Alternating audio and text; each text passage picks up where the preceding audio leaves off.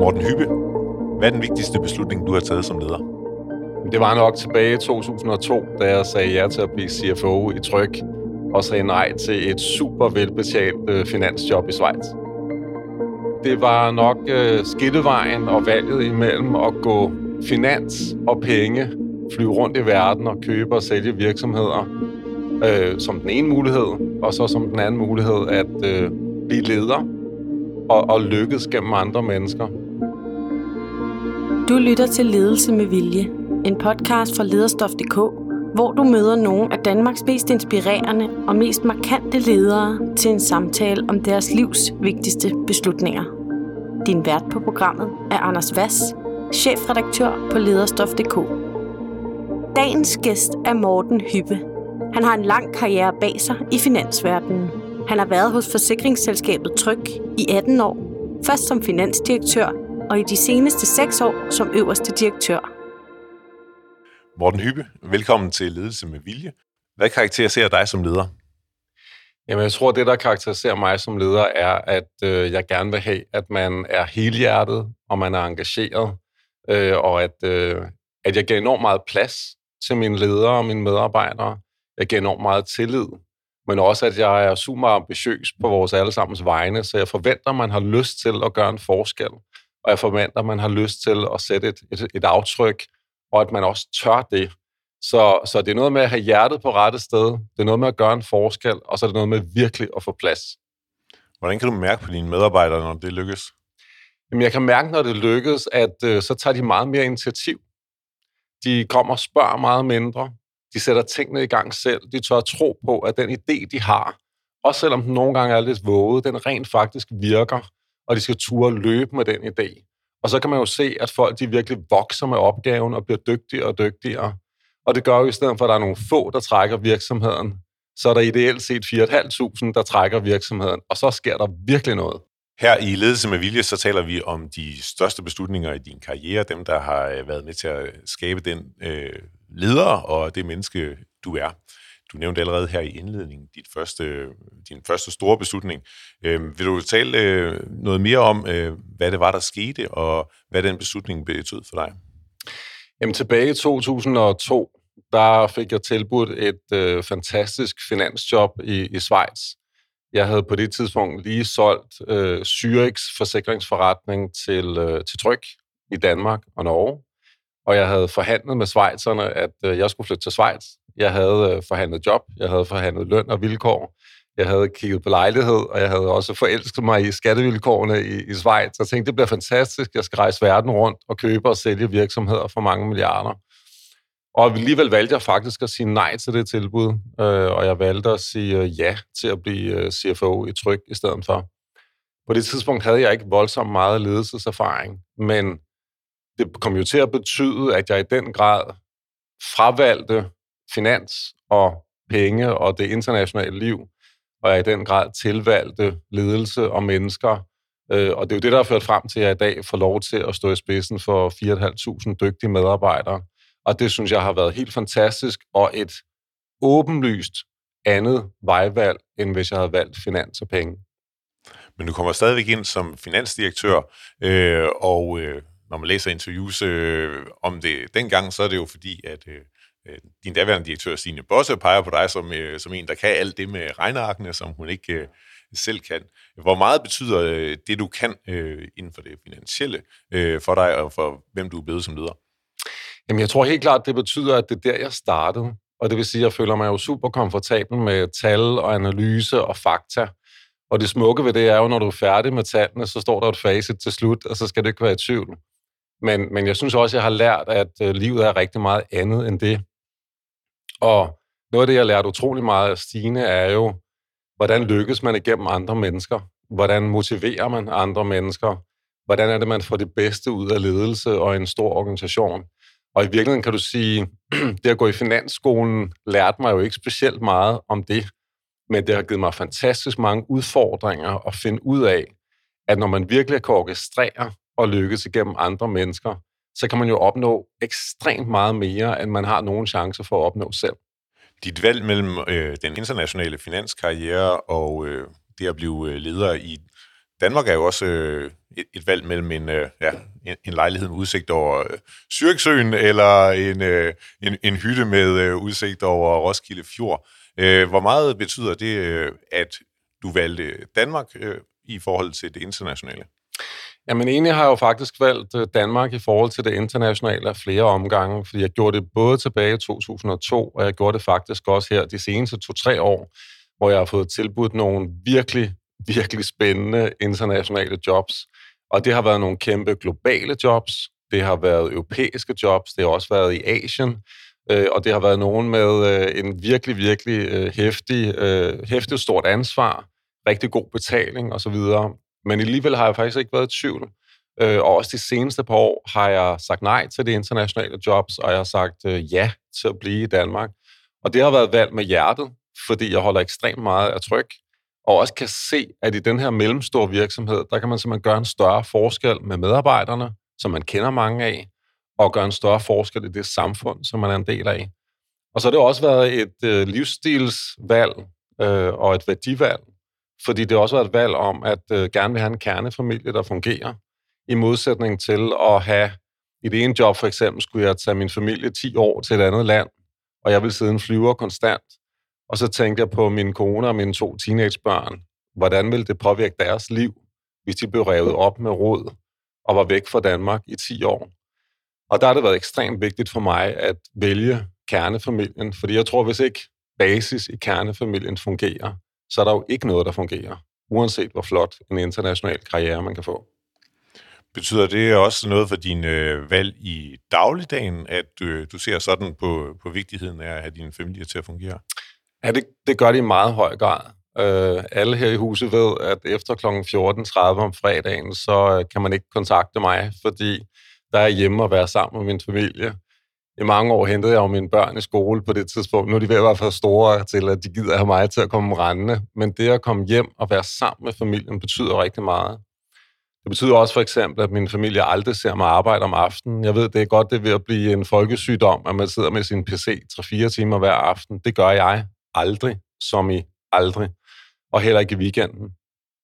Så når jeg er bagud, og det er man tit i mit job, så det er noget med at jeg står op klokken kvalme om morgenen, og så sidder jeg og læser og forbereder mig nogle timer, inden familien står op. Simpelthen fordi jeg ved, at det her med at have en familie, der fungerer, det kan man ikke bare tage for givet. Det er faktisk en skrøbelig ting, man godt kan miste. Og jeg synes, jeg har set alt for mange gøre en karriere, men stå tilbage med et familieliv, som faktisk er faldet fra hinanden. Og hvis jeg skulle vælge imellem karriere og familie, så vil jeg vælge familie, og så vil jeg egentlig give afkald på karrieren. Jeg kan ikke forestille mig, at, øh, at der er helt dødt herude fredag kl. 14.30. Hvordan øh, lader du de værdier øh, komme i, i spil i forhold til dine medarbejdere?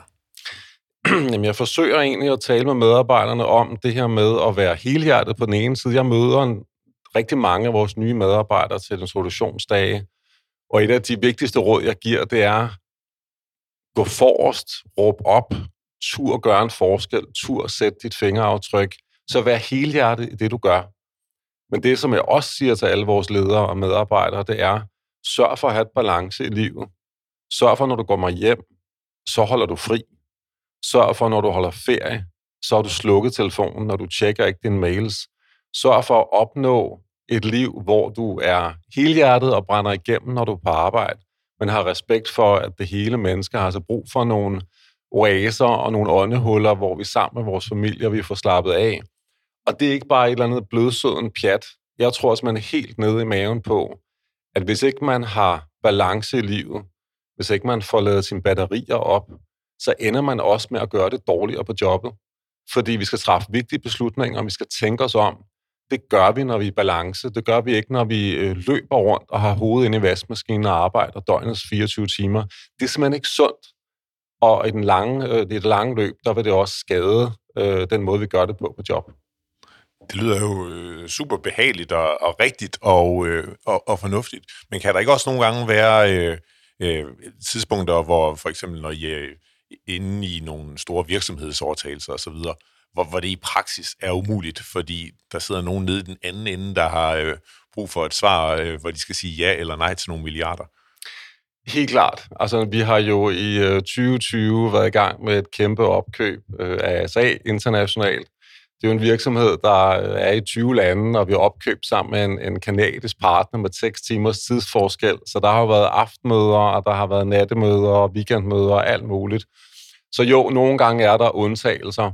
Men jeg tror, at det, som, som jeg rigtig gerne vil undgå, det er, at det at arbejde om aftenen og i weekenden bliver normalen. Og jeg synes, jeg ser hos rigtig mange mennesker, at det er sådan, det er ved at blive.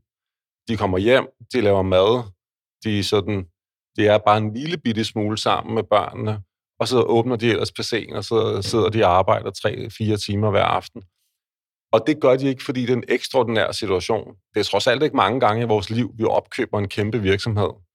De gør det faktisk, fordi det er blevet deres nye normal. Så, så det, at det her job og mange andre jobs giver nogle peak-situationer, hvor man må træde til ekstraordinært meget. Det gør jeg også. Det forventer jeg også af mine dygtige folk.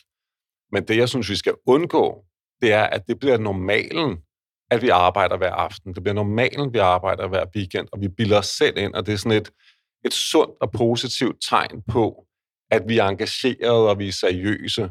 Jeg synes, det er et usundt tegn, og for mig er det et tegn på, at man kommer til at blive en dårligere leder eller dårligere medarbejder på sigt, fordi man simpelthen ikke har fundet en sund øh, balance i sit liv. Men hvor meget betyder øh, den baggrund, det du kommer fra, i forhold til, hvilken leder du er blevet? Det tror jeg betyder rigtig, rigtig meget. Øh, jeg tror øh, både sådan sammenhæng mellem at have læst noget finansielt og have oplevet de sociale og samfundsmæssige værdier hjemmefra. Og så tror jeg også, at det, at jeg igennem livet oplevede, min, min mor blev syg, da hun var i starten af 40'erne og fik kræft og døde desværre det, da hun var i slutningen af 40'erne. Og min far gik helt i hundene efter det og døde, da han var i 50'erne. Og det tror jeg gav mig oplevelsen af, hvor skrøbeligt og hvor svært livet også kan være. Øh, og, og det tror jeg virkelig har gjort, at min respekt for familie og den sikre base, tror jeg er større, end det ellers ville have været. Jeg tror, at kvæg min opvækst, og kvæg nogle af de stød, jeg har oplevet i livet i, i min familie, har oplevet, at hvis ikke familiebasen fungerer, så er alt andet ligegyldigt.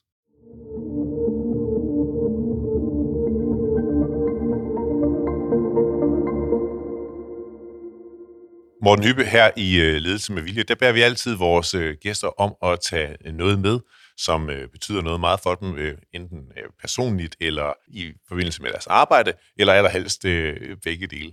Kan du vise mig, hvad det er, du har taget med? Ja, jeg har taget et billede med af vores datter Augusta. Øhm, og det har jeg, fordi øh, tilbage i 2015 øh, besluttede jeg mig for for alvor at gå ind i kampen for at skabe mere ligestilling i Danmark, og også helst skabe mere diverse teams og, og mere innovation i en virksomhed som Tryk. Jeg har egentlig altid gået og haft den her forestilling om, at øh, vi havde lige muligheder i et land som Danmark. Det tog jeg egentlig for givet. Og det er bare gået mere og mere op for mig, at det er overhovedet ikke tilfældet. Så bare for at tage et eksempel. Min datter har en 17 gange lavere sandsynlighed for at blive CEO en dag, end min søn har. Og jeg tænker, det er jo sådan helt horribelt, for jeg er sikker på, at de har lige gode forudsætninger for at komme derhen. Kigger man på det i Danmark i dag, så er der en markant overvægt af mænd, der er ledere. Og så er der mange, der siger, at det er jo noget med interesse. Kvinderne ønsker det nok ikke. Så er der lavet super gode studier, der viser, at på studieniveau, der er der lige mange mænd og kvinder, der har lyst til at blive ledere. Men faktisk er der en 50% større sandsynlighed for at blive leder, hvis man er mand. Og har det noget med evner at gøre? Det er der intet, der tyder på. Det handler simpelthen om, at vi har et, et samfund med nogle normer, øh, vi har nogle, nogle kulturelle udfordringer, vi har en masse unconscious biases, der gør, at sådan Old Boys Network øh, øh, triller videre og bestemmer mest. Øh, og, og tilbage i 2015 begyndte jeg at kaste mig ind i kampen for at sikre, at vi både i samfundet i Danmark og i tryk som virksomhed bliver dygtigere til at skabe øh, lige muligheder. Og derfor har jeg kastet mig ind i en masse aktiviteter. Jeg ved, det øger tævernes holdeplads, for der er meget forskellige holdninger til det. Men helt nede i maven tror jeg på, hvis vi får bedre kønsbalance i vores ledelsesteams, så får vi dygtigere ledergrupper, der skaber stærkere resultater. Øh, og, og der har vi også arbejdet med Der er også en fordel ved at få forskellige generationer ind. Der er faktisk også en fordel ved at få folk ind, der ikke kun har arbejdet med forsikring hele livet. Så en masse deltagelse i folkemøder, dialog med minister. Øh, jeg har valgt os ind i Danish Diversity Council, hvor vi på tværs af virksomheder arbejder med det. Øh, vi har, jeg har valgt at gå ind i Jøfs øh, ligestillingsråd og på en masse områder forsøg at blande mig i den her debat, og så selvfølgelig også tage det hjem til virksomheden her i Tryk. Det, øh, at du har grebet den dagsorden, hvor meget skyldes det, at øh, du har fået en, en datter, Augusta, og dermed har fået tanken, at jamen, hvad med min egen datter, og hvor meget øh, er, er, er egentlig bare en businessbeslutning? Jamen i virkeligheden kan man sige, at øh, det kommer fra hjertet, og dermed kommer det fra familien. Jeg vil sige, min datter, Augusta på 14, hun er benhård og knivskarp. Så jeg vil sige, når vi har diskussioner med hende, så skal vi saftsus med stå tidligt op om morgenen. Og det minder mig om, hvor meget talent der er i unge mennesker. Og så har jeg nok været en af de uvidende, der troede, at det her ikke var noget reelt problem. Og, og det er jo nok også en af grundene til, at Danmark ikke har rykket sig på det her punkt de seneste 20 år. Og så har jeg jo brugt det, den hjerteoplevelse til at gå tilbage og kigge på tryk og sige, hvordan så det egentlig ud der? Og vi har afdelinger af tryk med fantastisk god øh, kønsbalance og fornyelse i lederstaben. Og så har vi altså også ledergrupper, der stort set kun består af mænd. Og så begyndte jeg faktisk at se, at de forretningsområder af tryk, der gør det bedst, det er faktisk de forretningsområder, hvor vi har diverse teams med gode kønsbalancer, vi har ture til folk ind fra andre brancher, og de kan levere ganske enkelt bedre resultater, end de andre gør. Og det gjorde mig jo nysgerrig på at studere lidt mere, og der er lavet et hav af internationale undersøgelser, der viser, at de virksomheder, der skaber bedre øh, balance mellem kønnene i deres lederteams, de leverer bare markant bedre økonomiske resultater. Og også når man ser på virksomheden som helhed, skaber de mere bæredygtige resultater. Så der er ganske enkelt ikke et eneste argument imod. Men der er mange hundrede års tradition for, at vi fortsætter, som vi har gjort historisk, og dermed at vi primært tilvælger øh, mænd. Så det er en krævende opgave, men jeg tror, den er vanvittigt vigtig. Men det er jo også en opgave, som kan være øh, øh, nemmere i princippet end i praksis. Der er jo mange, der vil øh, mene ligesom dig, øh, men hvor man så bagefter måske har svært ved at sige, hvad er det præcis for nogle håndtag, vi, øh, vi vil dreje på, hvis vi ikke er ude i øh, for eksempel kvoter. Jamen det er rigtigt. Der var lavet undersøgelser, der viser, at over 90 procent af danske mænd ikke mener, at vi har noget ligestillingsproblem i Danmark. Det er jo et godt sted at starte og sige, at der er faktisk en kæmpe udfordring, men over 90 procent mener slet ikke, at der er nogen udfordring. Men når man så har opdaget, at der er en udfordring, så er det faktisk ikke så nemt at gøre noget ved det. Og jeg vil sige, at rigtig mange af de her konferencer, jeg har været med til, der bruger man øh, næsten 100% af tiden på at diskutere, at det er et problem og meget tæt på 0% af tiden på at finde nogle løsninger. Og det er derfor, at vi også forsøger at sige, lad os prøve at teste nogle forskellige løsninger. Lad os prøve at tænke, vi finder nok ikke én løsning, der bare virker. Lad os prøve noget forskelligt. Vi har for eksempel indført en helt simpel model, der siger, nu scanner vi alle vores lederteams i tryk. Så giver vi dem nogle point efter et, hvad er kønsbalancen, to, hvad er aldersfordelingen, og tre, hvor mange forskellige industrier har vi prøvet som sådan en simpel, simpel metode til at prøve at teste og skabe bedre balance, både på ligestilling og på baggrund. Øh, og det giver en opmærksomhed, og det giver en aha-oplevelse, som der pludselig er mange ledere, der har taget til sig. Så prøver vi også for eksempel, jeg prøvede en periode, hvor jeg skulle godkende personligt alle nye lederansættelser, så man får se, om vi kunne skubbe til opmærksomheden. Og det har faktisk ført til, at nu har vi over en længere periode haft 50-50 på mænd og kvinder i nyansættelsen af ledere, og derfor er vores andel af kvindelige ledere begyndt at stige markant.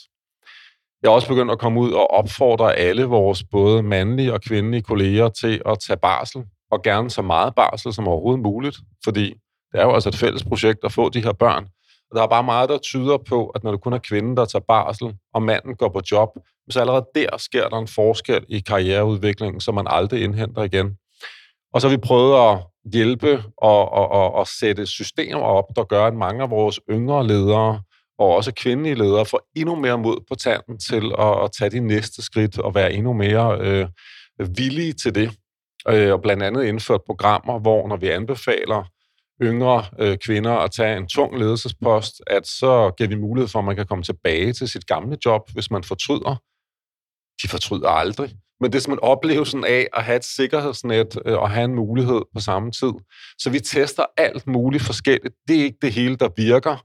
Men jeg tænker, når vi ikke har bevæget os overhovedet som samfund i 20 år, så skal vi nok ikke sidde 20 år mere og vente på, at der kommer et eller andet ned fra himlen. Vi skal nok ture og teste noget forskelligt. Øh, og det gør vi her i Tryk, og det har jeg det sindssygt godt med. Og jeg har det rigtig godt med, at det ligger dybt nede i maven, og det er ikke et eller andet øh, politisk korrekt pjat, øh, fordi så tror jeg, man skal lade være. Og er der nogle af de ledere, der så er kommet op øh, på de højeste niveauer her i, i Tryk, hvor du kan sige, jamen det er faktisk fordi, at vi har gjort den her indsats, og helt konkret kan jeg pege på, på dig, Susanne eller Bodil, øh, og, og det er fordi, vi har vil skabe de muligheder for, for kvinder, at du er nået hertil? Jamen, vi kan se det faktisk på alle niveauer. Uh, vi kan se, at vi er jo en af de uh, eneste virksomheder i C25, der har 50-50 mellem mænd og kvinder i vores bestyrelse. Vi bevæger os op på 25 procent kvinder i vores direktion. Det er jo ikke nok, men det er klart bedre end næsten alle andre virksomheder. Vi kan se vores uh, norske forretning. Det er faktisk tankevækkende i Norge og Sverige, at man er nået meget længere på den her agenda, end man er i Danmark.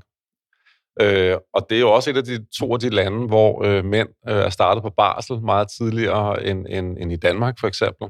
Så i Norge er vi faktisk allerede op på vores sådan, kortsigtede mål om 41 procent øh, kvinder i ledelse. Så, så i Norge kan jeg komme på rigtig mange eksempler, og det kan jeg faktisk også i Danmark. Der er områder, hvor vi er langt over vores mål allerede, og der er en række sindssygt dygtige kvinder, som har taget nogle vigtige og tunge ledelsesposter her hos os i Tryk. Så vi kan faktisk pege på mange eksempler. Og så er jeg rigtig glad for, at vi også begynder at have flere og flere mænd, der ser pointen i at have nogle teams, der er sammensat med bedre kønsbalance, bedre aldersfordeling og bedre erfaringsmæssig øh, forskel. Øh, fordi jeg tror, det er vigtigt, at det ikke er noget, man tvinger igennem, men det er noget, som organisationen ser værdien af, så det bliver helhjertet og ikke bare, vi laver lektier, fordi det er politisk øh, korrekt. Så du siger, at du vil ikke svinge det igennem, og det, det lyder jo som om, du er endnu en af dem, der siger nej tak til kvoter, men samtidig så er der vel, øh, så er det i virkeligheden vel lidt dig selv, der sidder og laver kvoten, hvis du skal sidde og godkende alle øh, lederudnævnelserne og har det som fokus. Jamen, det er rigtigt. Det er jo super dobbeltmoralsk. Jeg vil sige, hvis du havde spurgt mig for fem år siden, så havde jeg definitivt sagt nej til kvoter men når øh, jeg ser på, hvor svært det er at få rykket os i samfundet, så per i dag, så vil jeg faktisk sige ja til kvoter. Og det er jo ikke, fordi jeg tænker, at kvoter er optimalt. Selvfølgelig er frivillighedens vej altid bedre. Men jeg tænker også, hvis du tager for eksempel øremærket barsel, og du tager kvoter øh, mellem mænd og kvinder. Hvis du nu lige tænker igennem, lad os forestille os, at vi har det de næste 10 år. Så tror jeg, om 10 år, så vil vi forståelsesmæssigt være et helt andet sted. Så jeg tror faktisk, både øremærket barsel og kvoter kan være med til at give sådan lidt en ketchup-effekt til noget, som så bliver mere frivilligt på sigt. Så jeg vil faktisk sige, at jeg er blevet omvendt fra at være nej-siger til kvoter til at være ja-siger på kvoter. Og en af grundene er, at vi ganske enkelt bevæger os for langsomt uden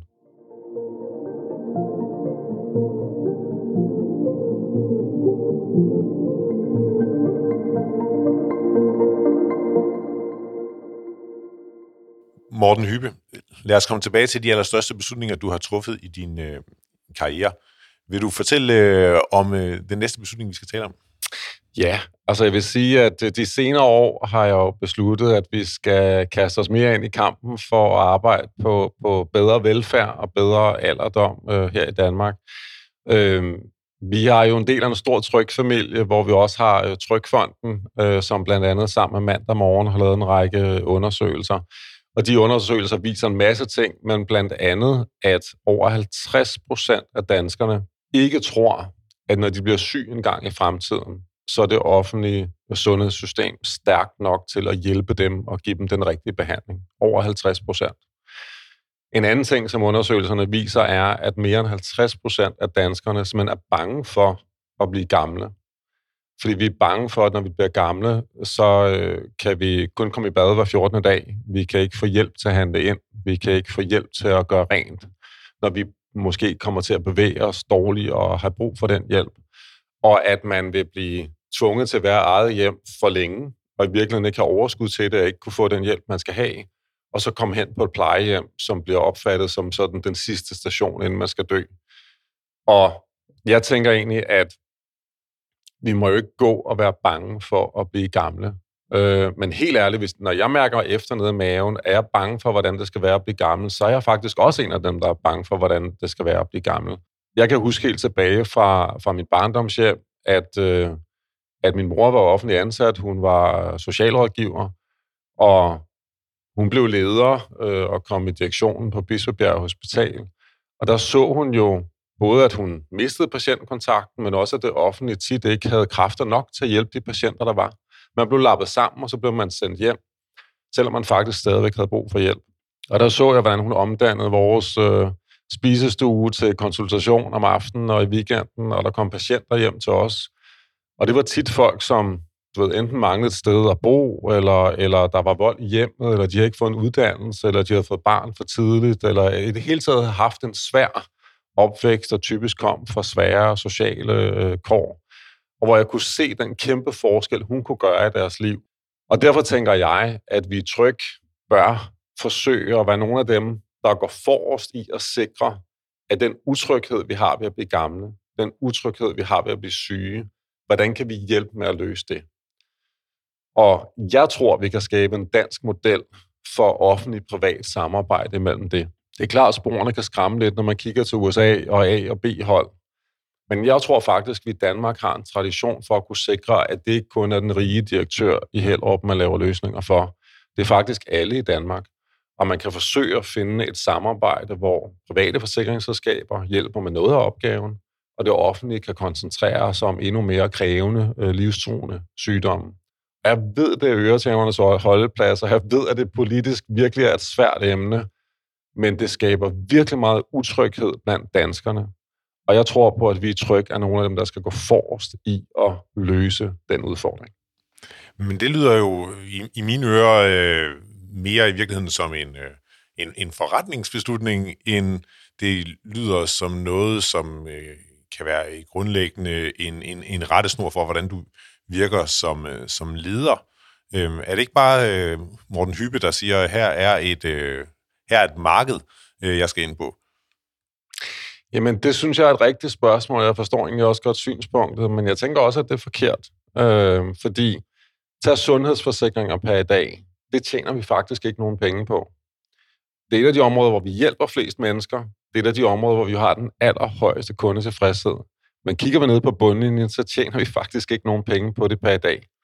Så jeg tænker egentlig med forretningshatten på, så vil det enkleste være at lade velfærd og ældrepleje være et tema, vi slet ikke skulle beskæftige os med. Så kunne vi nøjes med det her med at forsikre biler og huse og rejser. Jeg tror bare helt nede i maven, at det er jo ikke derfor stjålet vores cykel, der gør os bekymrede. Det er jo ikke derfor stjålet vores kuffert, når vi er ude at rejse, der gør os bekymrede.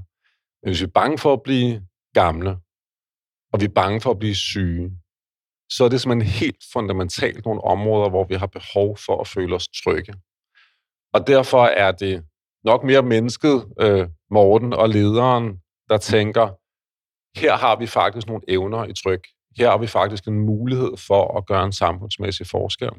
Jeg har sådan en drøm om, at man kan skabe nogle af de her olle kolder, hvor man kan bo i mange år, inden man skal på plejehjem, hvor der er masser af mennesker, og der er masser af liv, og man kan få lidt mere hjælp i takt med, at man har brug for det. Det kan godt være, det er pensionssektoren, der skal investere i det, mere end det er tryk. Men måske kan vi finde de her løsninger sammen. Så for mig er det ikke bare forretning, og det handler ikke bare om at lave bundlinje i tryk. Det handler faktisk om at gøre en forskel på et af de områder, der bekymrer danskerne allermest. Der har vi nogle evner, det forpligter, men jeg tror faktisk, vi skal løse det sammen med det offentlige og sammen med pensionskasserne. Når jeg hører dig her, så synes jeg jo, det lyder øh, rigtig øh, rigtigt.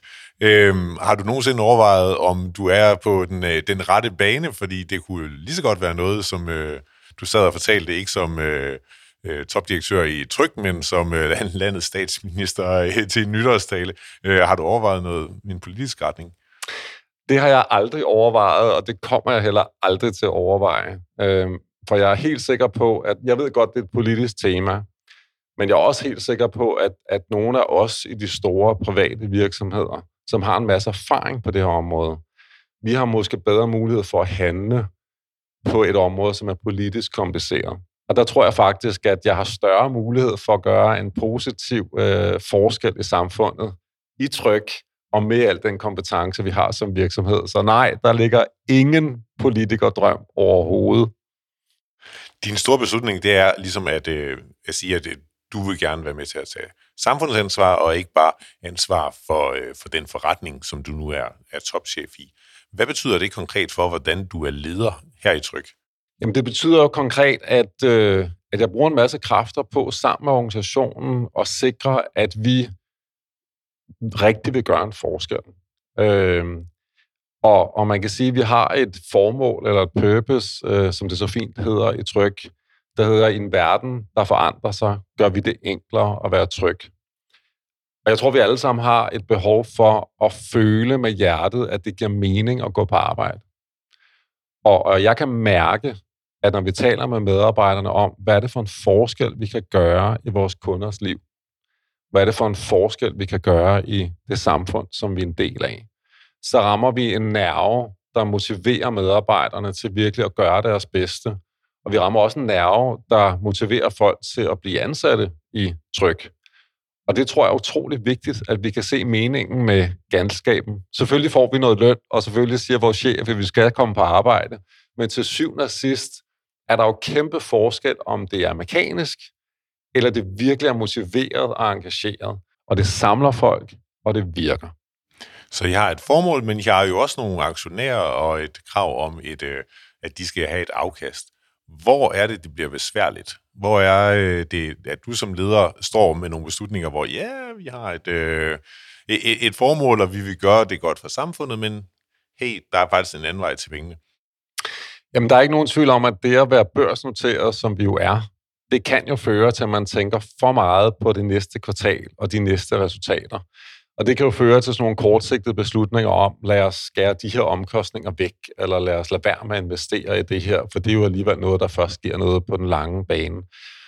Og der er vi jo så heldige, at vi har en, en stor aktionær i Tryghedsgruppen, øh, der ejer øh, halvdelen cirka af vores aktier, som jo i den grad tænker øh, på den lange bane, og faktisk også bruger mange kræfter på at give noget tilbage til samfundet.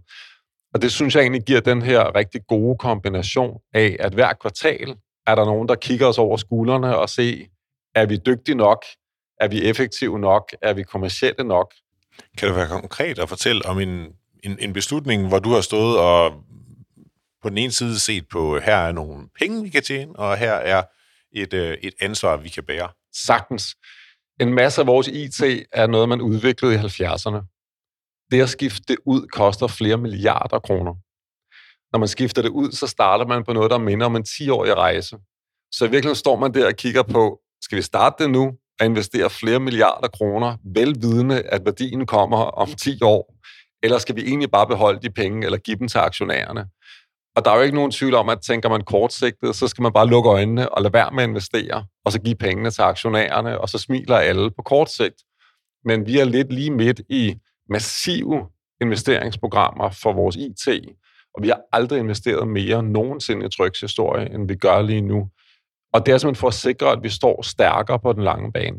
Og det samme hver gang vi investerer i at lave et nyt produkt, så ved man, at de første 3-4 år, der vil det være for småt, og det vil ikke rigtig tjene nogen penge. Men på sigt vil det virkelig gøre en forskel. Så der er masser af eksempler på, at vi vælger at investere øh, på den lange bane. Og derfor bruger vi også flere og flere kræfter på at sige, hvordan ser vi ud om 10 år? Hvad er det, vi investerer i lige nu, der skal så frøene for det, der skaber værdi om 10 år? Og det tror jeg er helt afgørende. Men der taler du jo igen om investeringer som investeringer, der vil give et, et afkast. Ja. Jeg spørger, om der ikke er, er tidspunkter, fordi du virker jo ekstremt øh, drevet af, af værdier og at vil gøre en positiv forskel, hvor du siger, jamen, det her det er ikke en investering. Det er egentlig bare noget, vi gør for at gøre noget godt. Jamen, det gør vi bestemt. Altså, heldigvis, når vi er en del af den store øh, trykfamilie, så betyder det jo blandt andet, at øh, faktisk 80 procent af de penge, vi tjener i Danmark, de bliver givet til tryghedsgruppen, som giver dem tilbage som medlemsbonus øh, til alle kunderne i Danmark. Og så bruger de 700 millioner kroner om året på Trykfonden, som er almennyttige, godgørende aktiviteter. Og det er jo noget af det, der gør mig allermest stolt overhovedet, at være med til at finansiere, at man kan gøre en forskel i samfundet.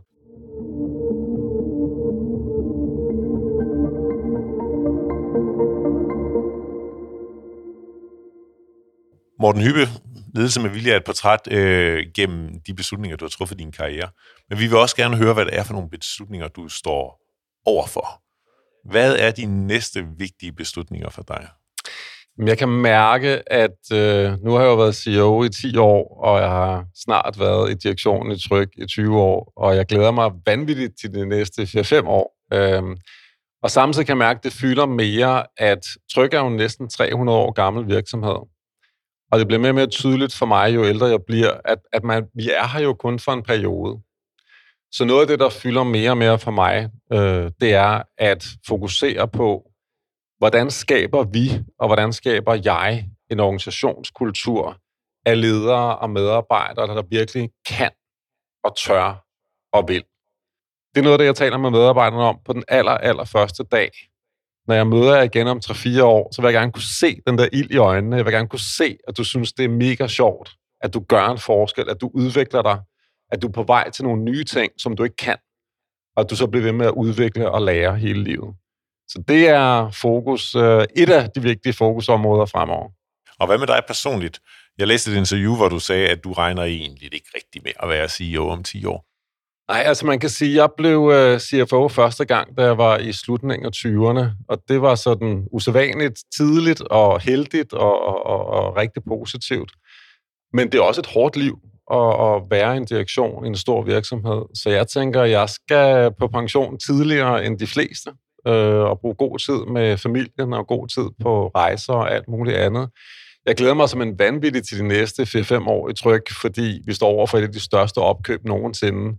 Vi står, op, står for over for at skabe en kæmpe transformation i tryk, og jeg glæder mig helt vildt til den rejse, så det er ikke lige forløbig, men, øh, men jeg ser også sådan på det, at på den lange bane, der kommer jeg til at øh, få gavn af, at jeg startede tidligt, og jeg kommer også til at gå på pension tidligere end de fleste. Øh, og det glæder jeg mig faktisk til, når den dag kommer. Det vil sige, du øh, går på pension som, som 55-årig, og så skal du øh, ligge på en, en, en sofa og kigge ud over fjorden? Eller Nej, jeg tror, øh, det kommer jeg nok aldrig til, men, men jeg tror, der er kæmpe forskel på at være øh, låst fra morgen til aften øh, og, og have travlt hele, øh, hele ugen øh, og så på at kunne vælge mere, hvor er det, man gør øh, en forskel.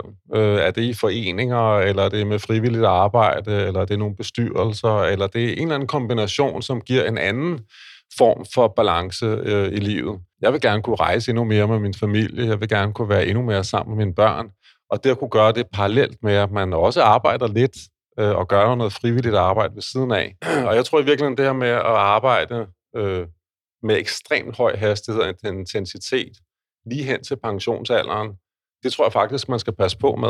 Og jeg tror faktisk, at nogle af vores børn skal jo blive næsten 100 år, og derfor noget af, hvilke faser i livet skal man så planlægge. Det tror jeg faktisk bliver vigtigere og vigtigere. Jeg tror ikke, man bare skal køre med 180 km i timen igennem hele livet. Det tror jeg simpelthen ikke er den rigtige opskrift. Mange tak for det, Morten Hyppe, og tak fordi du ville deltage i Ledelse med Vilje. Tak selv. Du har lyttet til Ledelse med Vilje, en podcast fra lederstof.dk. Du kan abonnere på podcasten i din foretrukne podcast-app, og vi bliver glade, hvis du også giver os en anmeldelse og nogle stjerner med på vejen. Alle de topchefer, vi taler med i Ledelse med Vilje, deler deres bedste råd om ledelse inde på lederstof.dk. Så gå ind på sitet og få inspiration til, hvordan du selv bliver en bedre leder. Bag lederstof.dk står lederne, Danmarks største interessefællesskab for ledere.